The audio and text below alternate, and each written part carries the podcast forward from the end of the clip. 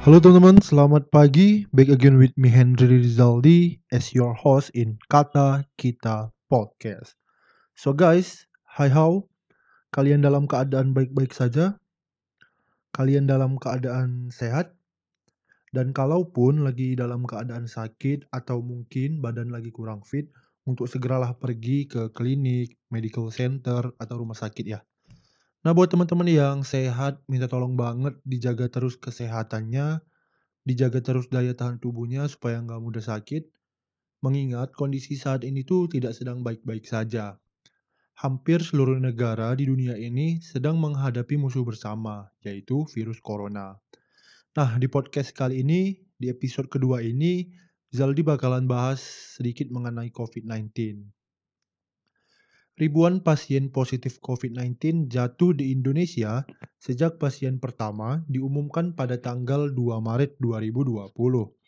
Demi menanggulangi pandemi COVID-19 yang terus menyebar luas di 34 provinsi sepenjuru Indonesia, Presiden Joko Widodo telah menerbitkan keputusan Presiden nomor 12 tahun 2020 mengenai penetapan bencana non-alam penyebaran coronavirus disease atau COVID-19 sebagai bencana nasional. Nah, hal ini dilansir dari laman resmi kemenkes.go.id yang berdasarkan sumber data WHO dan Kemenkes per tanggal 3 Juni 2020.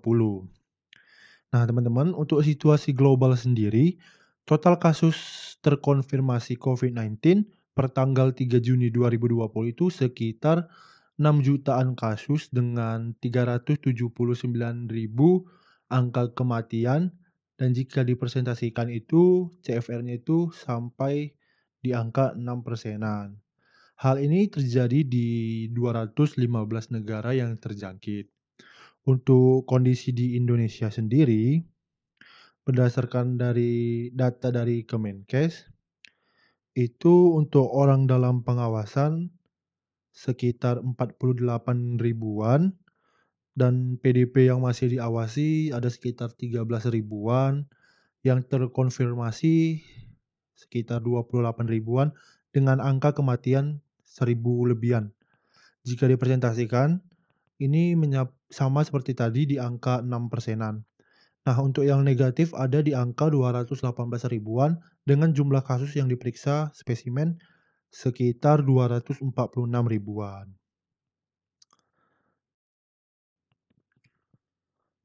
Namun, layaknya suatu fenomena, pandemi tak hanya membawa dampak negatif dan merugikan. Pandemi juga menimbulkan beragam dampak positif jika semua mau bijak serta peka dalam menghadapinya. Meski demikian, kita juga tetap harus waspada dan tetap mengikuti protokol yang berlaku yang telah ditetapkan oleh pemerintah. Untuk itu teman-teman, Zaldi bakalan memberi sedikit informasi mengenai beberapa gejala umum dari COVID-19 dan apa ya pencegahan serta perlindungan untuk semua orang. Yang pertama itu dari gejala COVID-19 sendiri biasanya berupa demam yang lebih dari 38 derajat Celcius, batuk kering, dan sesak napas.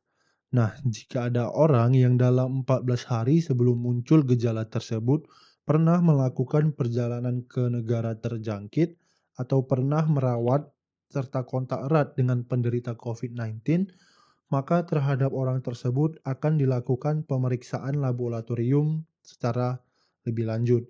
Gunanya untuk memastikan diagnosisnya apakah orang tersebut terjangkit atau tidak. Nah, untuk daftar negara terjangkit dapat dipantau melalui covidmonitoring.kemenkes.go.id. Nah, selanjutnya teman-teman, apa saja sih langkah-langkah perlindungan yang harus kita lakukan Nah, Anda dapat mengurangi kemungkinan terinfeksi atau menyebarkan COVID-19 dengan melakukan beberapa tindakan pencegahan sederhana. Yang di antaranya adalah secara teratur dan menyeluruh membersihkan tangan Anda dengan gosok berbasis alkohol atau cuci dengan sabun dan air. Kenapa demikian? Mencuci tangan dengan sabun dan air atau menggunakan gosok tangan berbasis alkohol dapat membunuh virus-virus yang mungkin ada di tangan kita, teman-teman. Nah, selanjutnya, pertahankan jarak setidaknya 1 meter atau kurang lebih sekitar 3 kaki antara Anda dan siapa saja yang batuk atau bersin. Ini disebut physical, physical distancing. Kenapa? Karena ketika seseorang batuk atau bersin, mereka menyemprotkan tetesan cairan kecil dari hidung atau mulut mereka yang mungkin mengandung virus. Nah, jika Anda terlalu dekat, Anda bisa menghirup tetesan air termasuk virus COVID-19 jika orang tersebut menderita batuk. Yang ketiga, hindari menyentuh mata, hidung, dan mulut. Kenapa? Tangan menyentuh banyak permukaan dan dapat mengambil virus. Setelah terkontaminasi, tangan dapat memindahkan virus ke mata, hidung, atau mulut Anda. Nah, dari sanalah virus bisa masuk ke dalam tubuh dan bisa membuat Anda sakit. Selanjutnya, pastikan Anda dan orang-orang sekitar Anda mengikuti kebersihan pernapasan yang baik. Ini berarti menutup mulut dan hidung dengan siku atau jaringan yang tertekuk saat Anda batuk dan bersin. Kemudian segera buang tisu bekas yang telah digunakan mungkin pada saat bersin atau batuk tadi. Kenapa? Karena tetesan menyebarkan virus. Dengan mengikuti kebersihan pernafasan, Anda melindungi orang-orang di sekitar Anda dari virus seperti flu atau COVID-19. Nah, yang kelima adalah tetap di rumah aja jika Anda merasa tidak sehat.